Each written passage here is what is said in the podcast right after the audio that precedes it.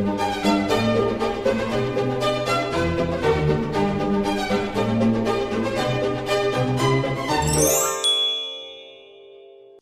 och välkomna till Kungligt Med Jenny Alexandersson. och Sara Eriksson.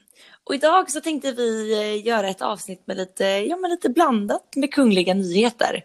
Och eh, ja, vi fortsätter ju som sagt att spela in på distans så att eh, ni får ha lite överseende med kanske lite knastrande ljud ibland eller någon borr i någon vägg hos en granne eller liknande. Det är lite så det är när man kör på med poddstudio hemma. Alltså jag tycker det går förvånansvärt bra ändå. Jag saknar bara att och sitta mitt emot dig och prata. Det är mycket trevligare.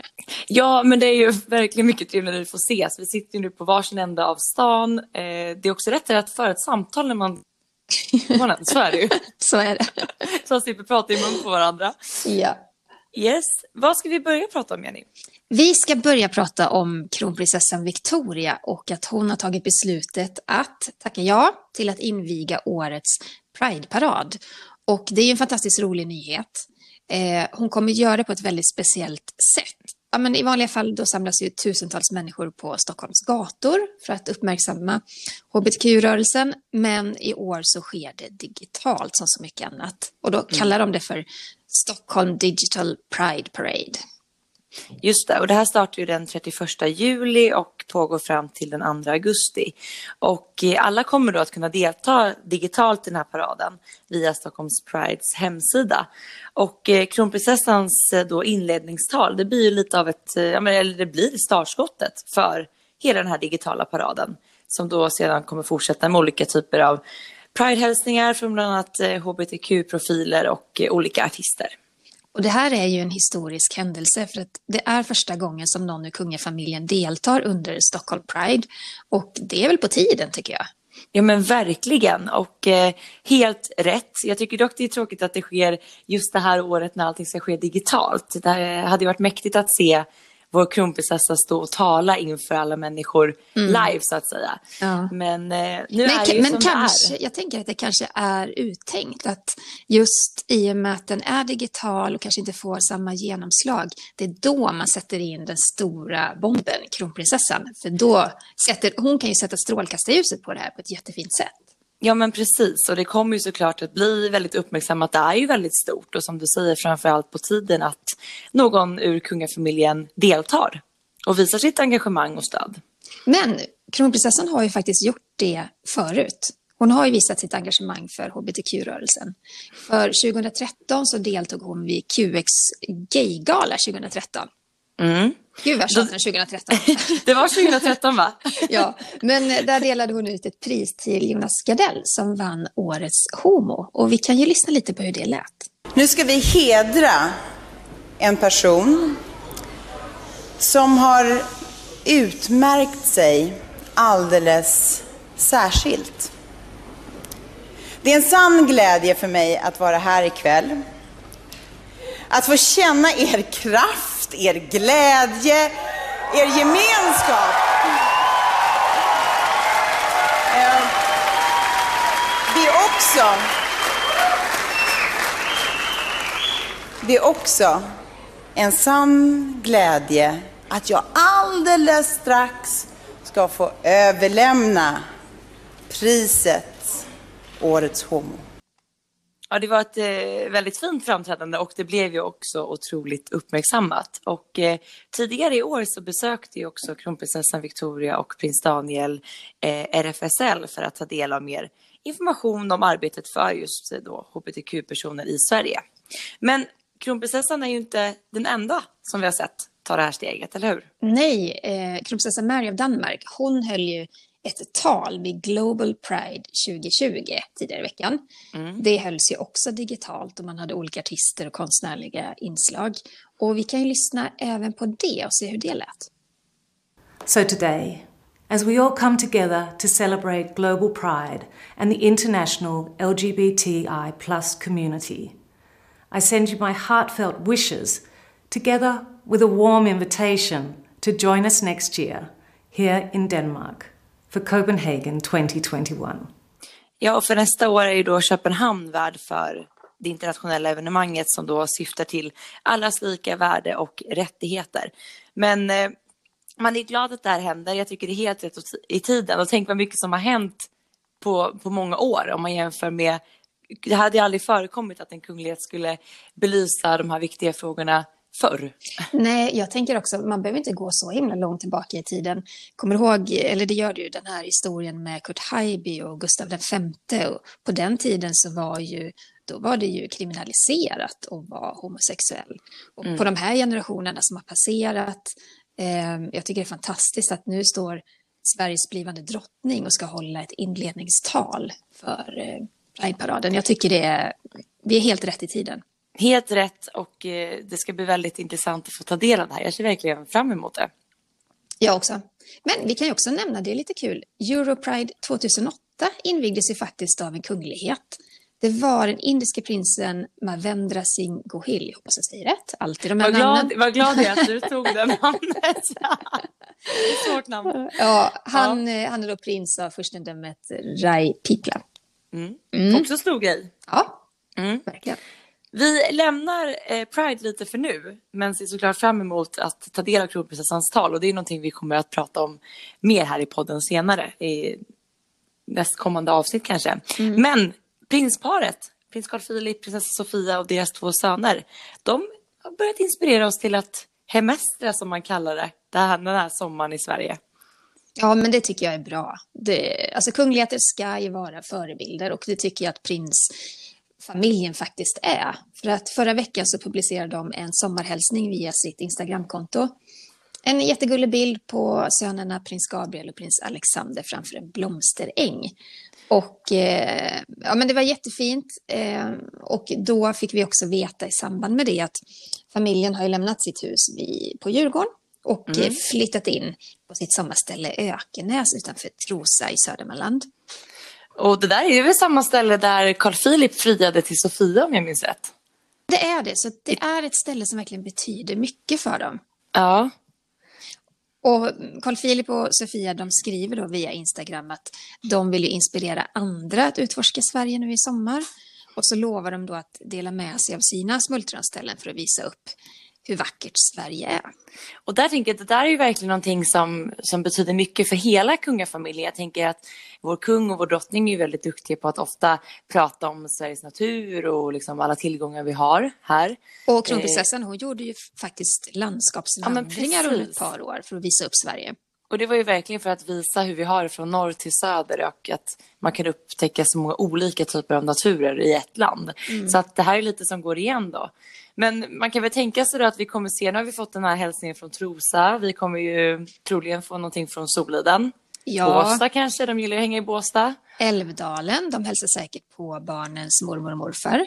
Såklart.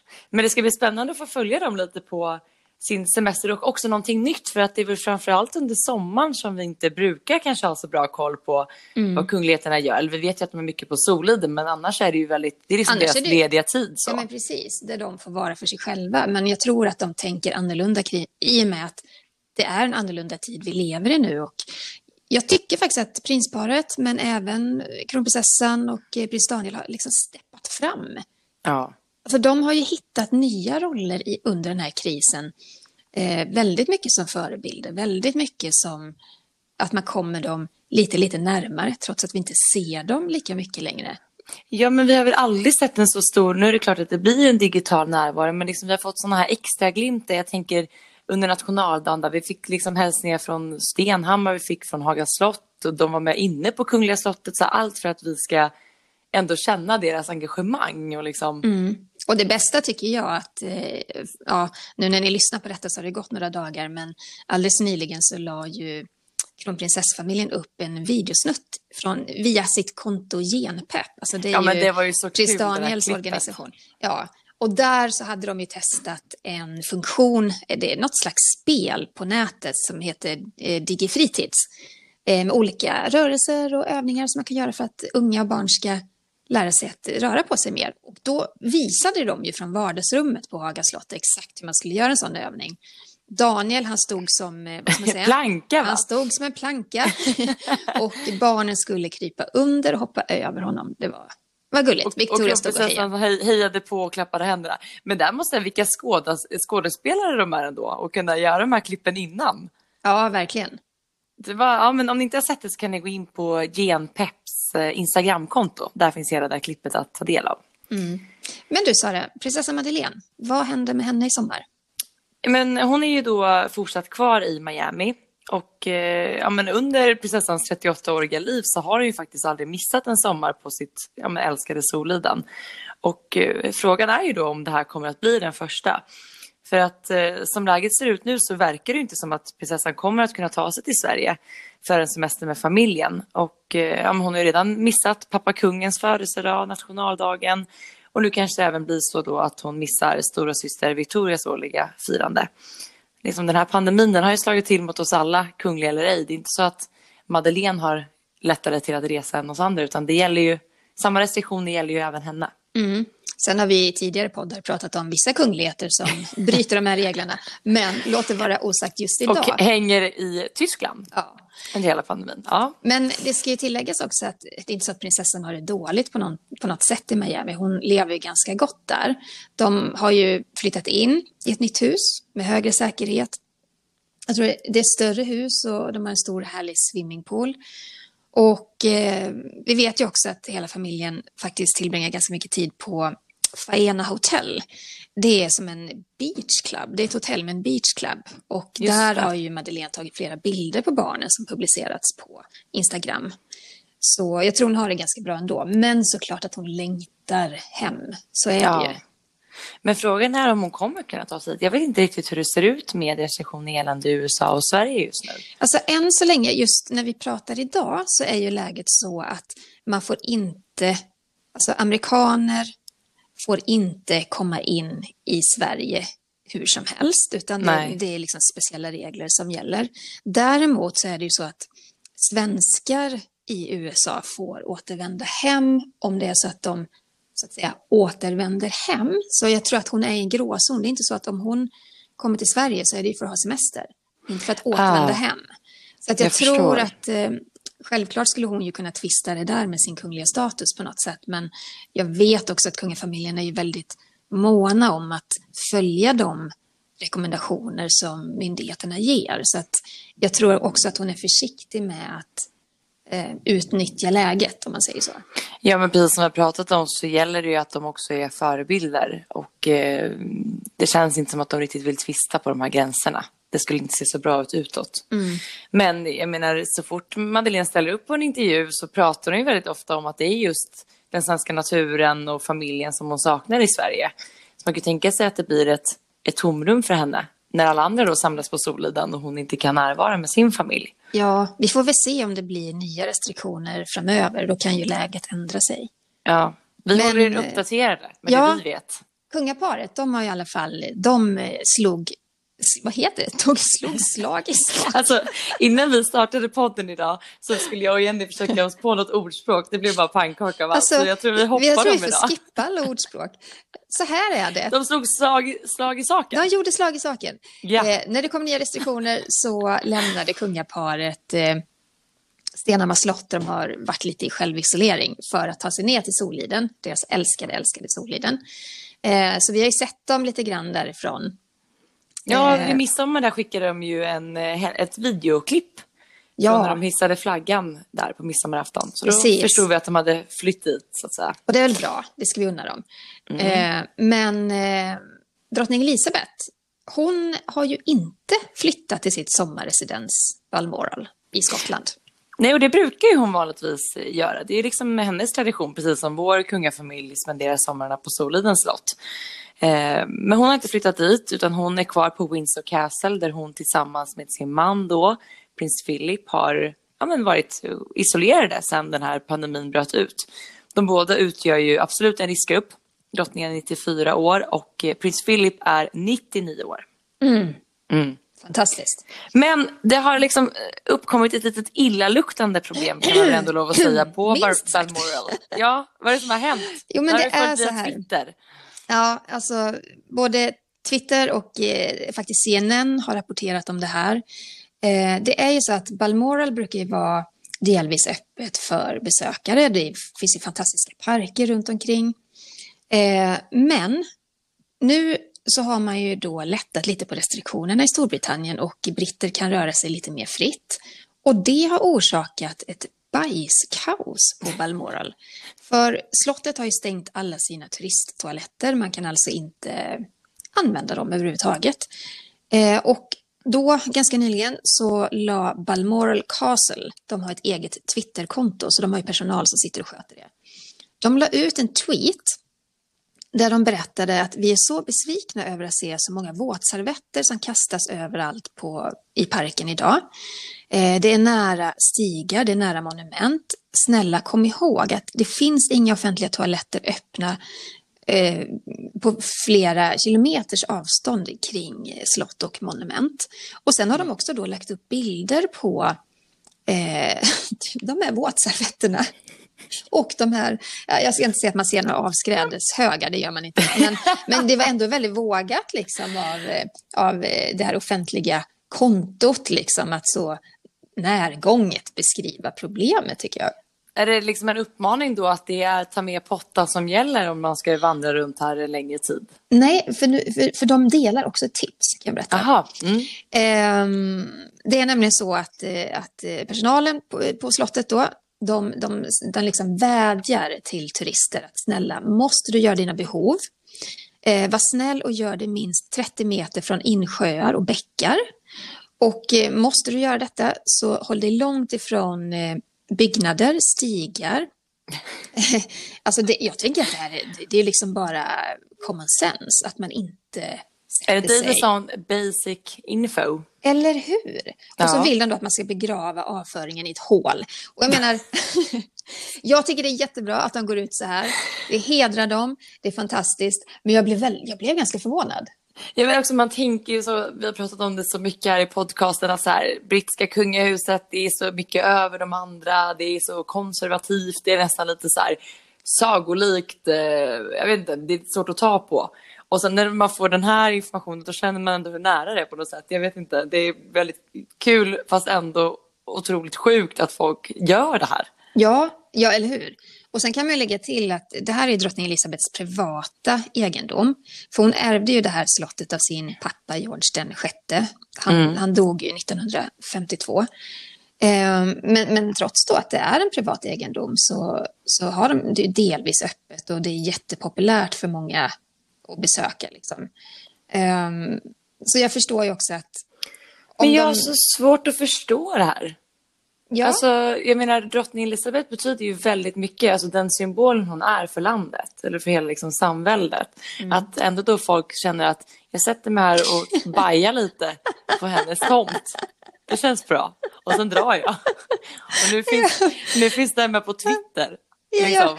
Nu är det liksom så här, det här är det här är liksom en del av historien nu. Bajskaoset på Balmoral. alltså, ja. vad ska jag... Och tänk dig liksom att folk skulle börja sätta sig och, och liksom göra sitt inne på Soliden i sommar. Nej, men det går inte ens förstå. Nu är inte kungen glad. Nej, men alltså, är det skillnad på svenskar och britter? Nej. Nej jag har men... aldrig hört att de bajsar mer ute, det har jag inte gjort. Men jag menar bara att det är. Så bisarr historia. Men nu vet ni. Ja, nu vet ni. Och Gräv er ni vet var, ni vet var ni hörde först. Millions of people have lost weight with personalized plans from Noom. Like Evan, who can't stand salads and still lost 50 pounds. Salads generally for most people are the easy button, right? For me, that wasn't an option. I never really was a salad guy. That's just not who I am. But Noom worked for me. Get your personalized plan today at Noom.com. Real Noom user compensated to provide their story. In four weeks, the typical Noom user can expect to lose one to two pounds per week. Individual results may vary. Ja. Gräv ner. Men vi håller oss kvar i Storbritannien. För Harry och Meghan återkommer alltid i vår podd. De är ute på tunn is. De, ja, de besitter en annan bajsmacka kan man säga. Ja, det kan man verkligen säga. För ja. de lämnar ju brittiska kungahuset i våras. Eh, och vill ni lyssna på hela den historien så leta reda på poddavsnittet Mexit. Vad händer nu med Harry och Meghan? För där berättar vi allt. Yes. Men i samband då med att de tog ett steg tillbaka så får de inte längre bruka sina kungliga titlar. De har kvar titlarna, men de får inte använda dem. Och det var ju en tydlig regel från drottning Elizabeth som, som satte ner foten. Ja, och anledningen till att liksom, drottning Elizabeth var tvungen att verkligen sätta ner foten och eh, tydliggöra hela den här regeln, det handlade ändå om att Harry och Meghan i början av det här beslutet ändå ville surfa lite på de där kungliga titlarna. Mm. Eh, det första vi såg var ju en hemsida som hette just Sussex Royals, fast de inte ville vara kungliga och så vidare. Eh, och det är klart att de här kungliga varumärkena är en, en, positiv skjuts för deras privata business också. Så är det. Men det fick ju liksom brittiska folket att rasa. Och där var ju drottning Elizabeth ganska snabb med att liksom tydliggöra vad det är som gäller, att de inte får bruka de här titlarna. Mm. Men med tanke på då drottningens tydliga besked så var det ju väldigt många som blev förvånade när då organisationen Street Games Eh, de delade nyligen med sig av ett personligt tackbrev som de fått av Harry och Meghan. Eh, och då ska sägas att Street Games de har då hjälpt till att dela ut mat till de som har extra behov och stöd under den här coronapandemin. Och i det här brevet så kan man då läsa om hur Harry och Meghan tackar organisationen för deras engagemang under coronakrisen. Men det var någonting i slutet av det här brevet som fick folk att reagera. Ja, för att eh, de har då signerat med sina namn utan kungliga titlar. Men det som fått fler att förvånas det är ju att de har valt att ta med sitt kungliga monogram.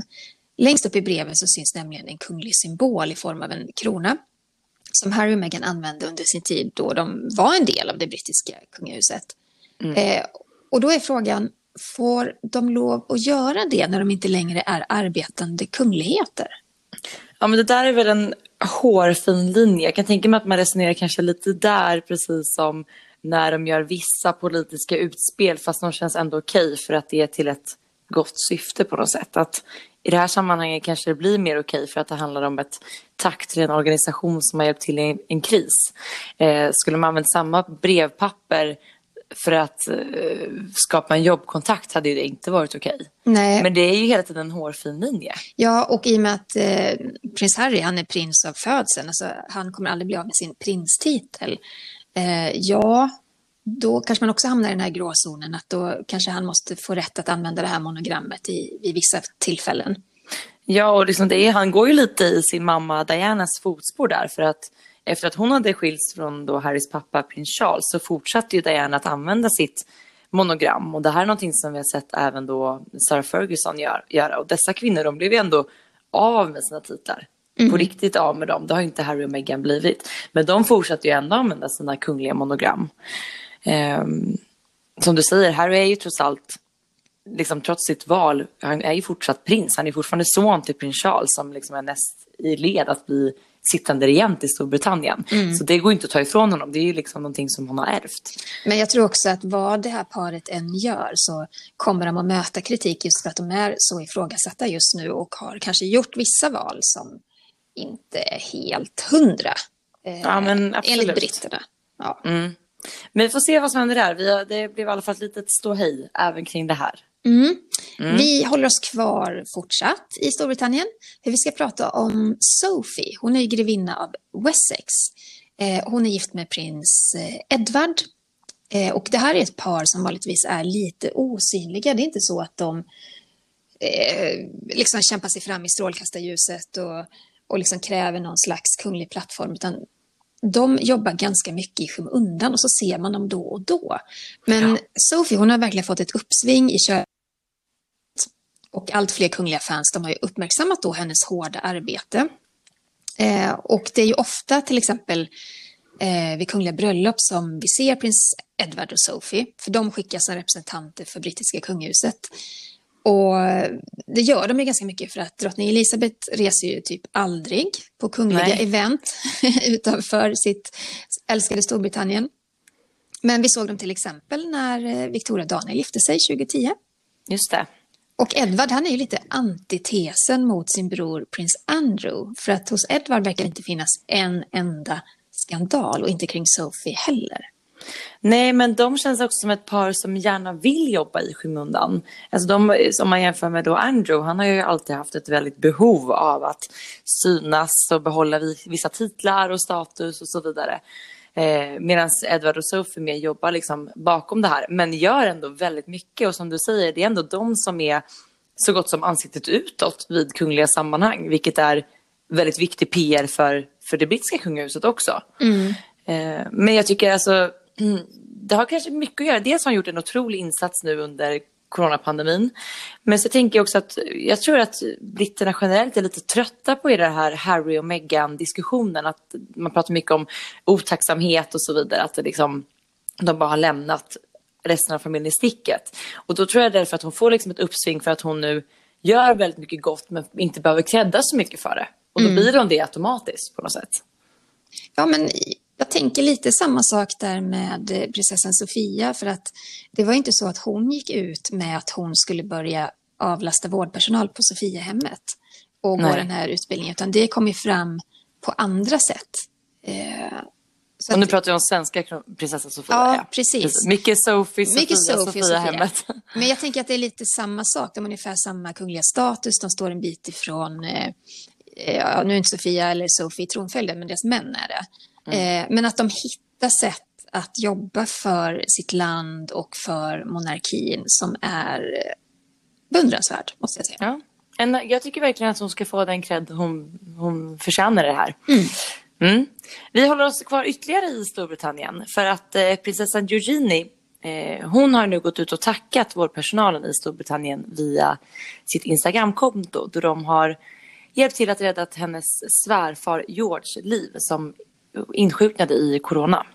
Och eh, det var ju då en post på Instagram som hon berättade att eh, den coronasjuka 71-åringen, då hennes svärfar, då kunnat lämna sjukhuset efter fem veckor i respirator. Och... Fem veckor sa det. Alltså det är ja. jättelång tid att ligga i respirator.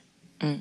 Och vilken, så här, vilken ovisshet hela familjen måste ha levt i under den här tiden. Verkligen. Som så många andra i den här pandemin och det är fruktansvärt. För Eugenie och hennes man som heter Jack Brooksbank, de, eh, hon berättade också det att de fick ju beskedet att de måste förbereda sig på det allra värsta därför att svärfaderns tillstånd var riktigt, riktigt illa. Mm. Men nu när han har fått lämna sjukhuset eh, så är ju Eugenie såklart otroligt glad och väldigt tacksam. Vi lyssnar på vad hon sa. I just wanted to say a huge thank you to everyone at the Brompton Hospital. For what you've done in saving my father in law's life. George came back home to us the other day, so happy, and as the miracle man, as he called himself. And from the bottom of my husband and my heart, we just want to thank you for everything you've done on the front line, um, for risking your lives and those close to you, and um, just making sure that we can all be safe and sleep well at night. So, thank you so much, and thank you for giving us all hope.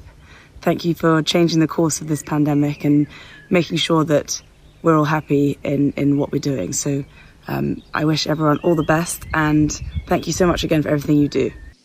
Ja, hon säger då att från djupet av våra hjärtan vill vi tacka alla för det ni har gjort, för att ni riskerar era liv för att se till att vi andra ska kunna vara trygga. Ja, det är väldigt fint. Jättefint. Och eh, Eugenie och hennes syster Beatrice, de har ju också volontärbeitat en hel del under den här perioden för att, ja, men för att hjälpa sjukvårdspersonalen i England. Och eh, deras mamma Sarah, Sarah Ferguson, som också kallas för Fergie, har ju startat en stiftelse, Sarah's Trust, som eh, ja, men de har genomfört, genomfört över, jag tror 150 000 donationer under den här krisen. Så det är ju det är bra när de kan använda sina kungliga statusar på att belysa och eh, använda dem i sådana situationer. Det är väldigt mm. bra. Jag håller med. Eh, däremot har det varit väldigt tyst ifrån prins Andrew då, som är gift med Fergie. Eh, han har ju varit i blåsväder genom den här skandalen när han kopplas samman med eh, pedofildömde Jeffrey Epstein. Mm. Eh, jag tänker att det här hade väl varit ett alldeles ypperligt tillfälle för prins Andrew att visa att han är kapabel till någonting riktigt vettigt. Ja, men med tanke på hur mycket det har blåst kring honom och det finns också, vi har pratat om det tidigare här i podden om ni vill lyssna på hela den historien. Eh, det är bara att leta på det avsnittet. Eh, men just att här hade han ändå chansen, eller han har haft chansen att så här, kanske få tillbaka lite bra publicitet. För han har ju verkligen varit nere i dyngan i eh, ett halvår, minst sagt. Verkligen.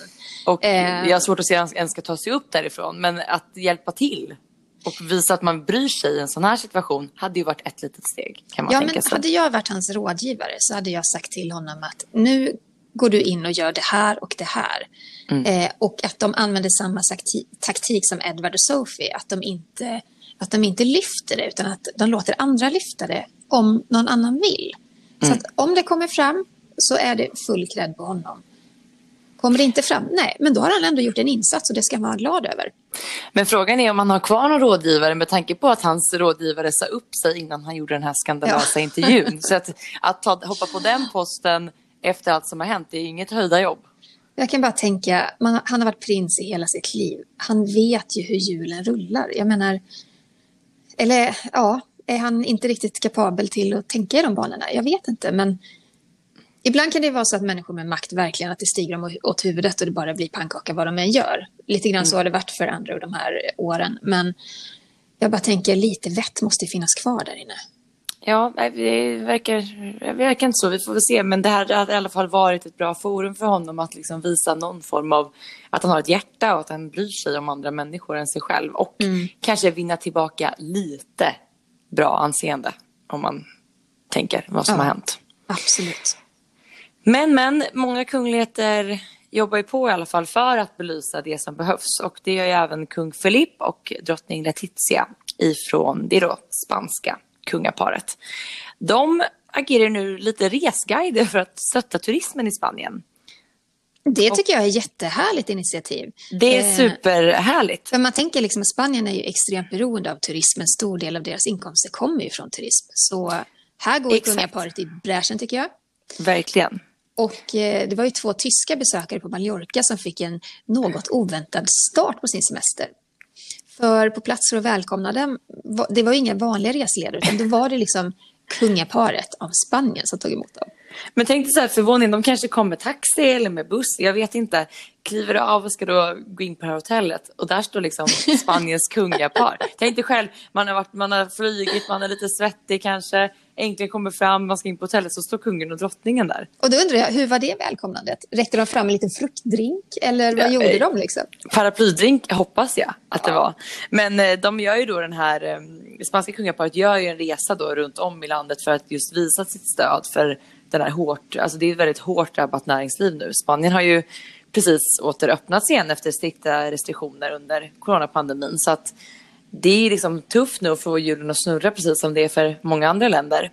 Och samtidigt så, så finns det också en risk fortfarande. Man ska inte, man ska inte tänka bort att den här smittorisken inte existerar längre och man börjar resa runt. Utan det visade ju kungaparet också. För att de var ju båda ansiktsmasker när de träffade de här turisterna och eh, höll ett bra avstånd helt enkelt. Ja, men det var ett väldigt roligt initiativ och jag tycker det är så kul att se den här nya generationen kungligheter, liksom de som är de här, nu är ju eh, Filip kung, men man tittar, det är liksom ändå samma generation som vår kronprinsessa, eh, de i Danmark och så vidare, att man ser så att det är så nytt och, och bra tänk hela tiden. Jag gillar det. Jag gillar det också. Det är en helt ny generation som, som kommer att ta över och det kommer märkas. Det märks redan i så många monarkier tycker jag. Det kanske är ett helt poddavsnitt egentligen att bara prata om den nya generationens kungligheter. Det är Ja. väldigt intressant faktiskt. Verkligen, det ska vi göra. Det ska vi göra. Men nu går vi över till lite lyssnarfrågor. Eh, Ida har skrivit så här. Hej, när en kvinna gifter sig med en kung så blir hon drottning. Men när en man gifter sig med en drottning så blir han prins. Till exempel prins Philip. Varför är det så? Hälsningar Ida. Eh, ja, men jag kan svara på den då. Det råder ju en viss ojämlikhet här. En kung, det är ju en benämning på en, ja, men en regerande monark. Men samtidigt så kan en drottning vara både en benämning på en regerande monark, men det kan också vara en kvinna som är gift med en kung. Så liksom, det finns egentligen två olika betydelser i samma, samma ord. Kung är alltså ett ämbete medan drottning kan vara både ämbete och en följd av ett giftermål med en kung. Det här är liksom en gammal, ett gammalt synsätt på det hela och det är Ja. någonting som lever kvar. Ja, men, men också lite grann det att eh, tidigare, tidigare så har det varit så att det mest varit manlig tronföljd i de flesta länder. Ja. Eh, och att kung då är en benämning på en regerande monark, ja. Men kvinnan då, hon kan, vara, hon kan också vara ett bihang, så att säga. Eh, exakt. Men så ser det inte riktigt ut idag, som tur är. Men det här hänger kvar, just de här benämningarna och titlarna hänger kvar. Det är därför till exempel prins Daniel inte kommer att bli kung utan han kommer alltså bli prins den dagen kronprinsessan blir drottning. Så är det. Yes. Monica skriver så här. Hej, tråkigt att Victoria-firandet inte blir av. Vet ni hur kungafamiljen kommer att fira kronprinsessans 43-årsdag? Eh, vi vet ju att själva firandet på Soliden är inställt, för man kan ju inte ha flera tusen människor som samlas vid slottet och grattar och hurrar för kronprinsessan. Så att där kanske man hittar någon, någon slags annan lösning. Så att, mm, kanske får vi se film eller bilder eller någonting. Vi vet ju också att den här tv-sända festgalan på kvällen, den kommer ske utan publik och bara de ett fåtal inbjudna och med kronprinsessan såklart som hedersgäst. Eh, man har bytt spelplats. Man spelar inte in på idrottsplatsen i Borgholm längre utan man har då bytt till den här vackra slottsruinen. Ett stenkast från kungens ägor på Soliden. Så det kommer bli jätteeffektfullt tror jag och jättefint. Och man kan då följa den på, på SVT eh, på kvällen. Ja, och jag tror att kungafamiljen kommer vara ännu mer generösa med att dela med sig just av klipp från hur de firar födelsedagen och bilder och sådär. Så att det blir helt enkelt digitalt vi får följa det här i år. Och så får vi hoppas att, vi, att världen har, har frisknat till om ett år så att vi kan få fira som vanligt. För det är ju väldigt, väldigt trevligt där på Soliden. Ja, det, gud ja, vi har ju många fina minnen därifrån Sara, eller hur? Man har Ja, stått i solgas och Det har man gjort. med kronprinsessan. Ja. Exakt. Men eh, så får det bli i år som så mycket annat. Mm. Mm. Hörni, vi har hunnit eh, avverka en hel del idag. Vi har mycket kors och tvärs men det är kul ibland att bara mixa ner massa olika kungliga nyheter i ett avsnitt. Verkligen. Glöm nu inte att följa oss på sociala medier. Sara, var finns du? Royalistan.se och var hittar man dig? Jag finns på Instagram, kungligt med Jenny. Och alla tittarfrå- eller tittarfrågor, alla läsarfrågor. Jag säger tittarfrågor för att vi Alltid körde det tittarfrågor. på, på vår sändning också. Eh, alltså våra läsarfrågor skickar du till kungligt att aftonbladet.se. Först var det tittarfrågor, sen blev det läsarfrågor. Lyssnarfrågor. jag, jag hoppas, det, det är lyssnarfrågor ni gärna skicka in. Vi blir jätteglada när ni skickar in frågor till oss. Det är väldigt Ja, kul. det är roligt. Ja. Och sköt om er, ta hand om er, tvätta händerna, håll avstånd. Och njut lite av sommaren också. Ja, Vi Hej. hörs nästa vecka. vi hörs. Hej då. Hej då!